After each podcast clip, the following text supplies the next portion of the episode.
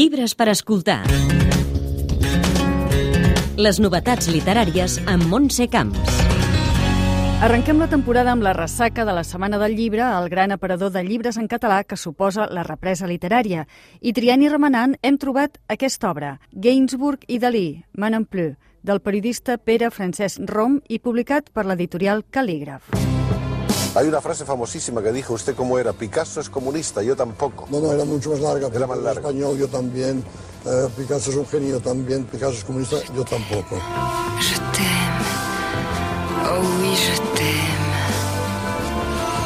Moi non plus. Je t'aime en empleu, la cançó més universal de Serge Gainsbourg, sembla que es va inspirar en la famosa frase de Dalí, que recordava, ara ho sentíem, en una entrevista que li va fer fa 42 anys Joaquín Soler Serrano. Deia, Picasso és espanyol, jo també. Picasso és un geni, jo també. Picasso és comunista, jo tampoc.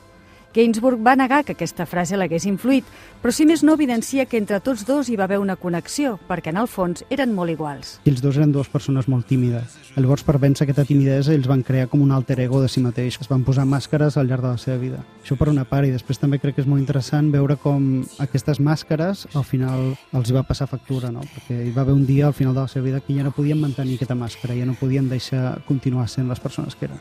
Aquesta connexió és la que explora el llibre del periodista de l'agència de notícies ACN, Pere Francesc Rom, que per primera vegada posa en relleu la relació dels dos artistes, una relació de la qual només s'havia parlat fins ara en notes a peu de pàgina d'alguns llibres. L'obra mostra com la influència va ser sobretot de Dalí cap a Gainsbourg. amb lletres de cançons, on hi ha elements surrealistes, o fins i tot en la mateixa GT One en on també hi ha una referència eh, surrealista és molt present.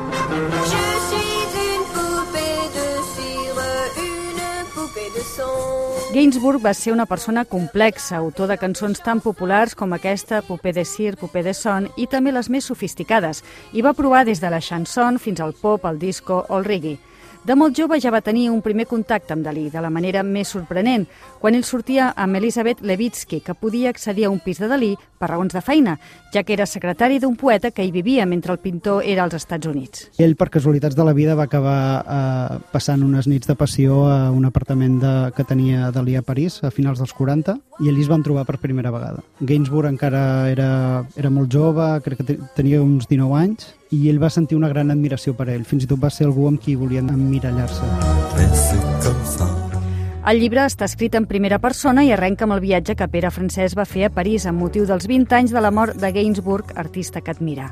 El periodista no s'inventa res i per això ha entrevistat diferents persones per fer un retrat d'aquesta relació, com ara el crític musical Albert Mallofré, l'amic de Dalí Antoni Pichot o el qui va ser secretari del pintor, Enric Sabater. Enric Sabater em va explicar que fins i tot s'havia parlat amb la possibilitat d'una col·laboració conjunta en una espècie de cançó dansa o així que al final no, no va arribar a tirar endavant. També va parlar amb Jane Birkin, qui va ser parella de Gainsbourg 12 anys i que el va marcar profundament. Jo crec que la influència que va tenir Gainsbourg en ella o la relació va ser la més, la més forta que, que van tenir mai. Jo crec que també va marcar un, un moment important en la vida de Gainsbourg quan, quan ho van deixar, no? quan van deixar la relació i ell a finals dels 70 i ell a partir d'allí ja va començar la seva decadència. Melody Nelson. Ell volia arribar a l'èxit, ell volia arribar dalt de tot i per arribar-hi va fer tot el que va poder i, i fins i tot es va sublevar el que, el que el públic li deia, no? Per exemple, jo recordo al començament, els seus primers concerts, eh, la gent s'enreia d'ell, la gent l'insultava i ell es va transformar a si mateix i va provocar tot un país, no? Per exemple, amb cançons, com va fer una versió de la Marsellesa, no? Que això en el seu moment va ser molt i molt polèmic. Allons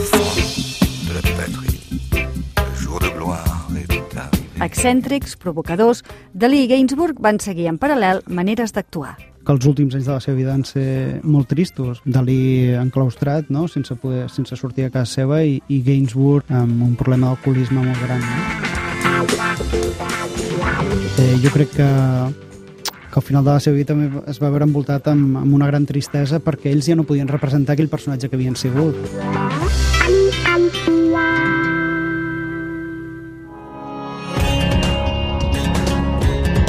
Llibres per escoltar.